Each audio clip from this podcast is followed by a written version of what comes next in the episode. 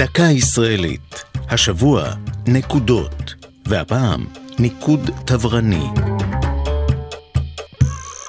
קמץ, פתח סגול וצרה. סימני הניקוד המוכרים לתלמידי כיתה א' פותחו בטבריה במאה השביעית או השמינית, אבל משמעותם כיום שונה מהשיטה התברנית המקורית.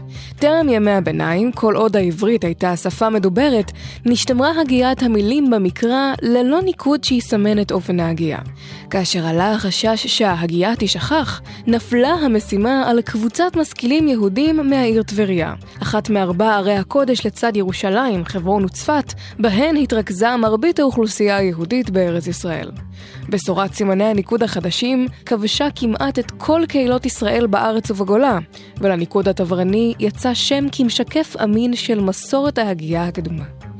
העברית התברנית כללה שבע תנועות מלאות, קמץ, פתח, צרה, סגול, חיריק, שורוק או קובוץ וחולם.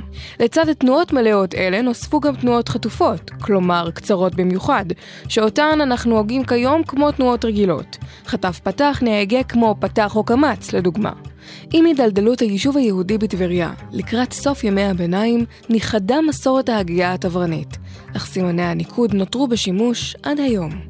זו הייתה דקה ישראלית על נקודות וניקוד תברני.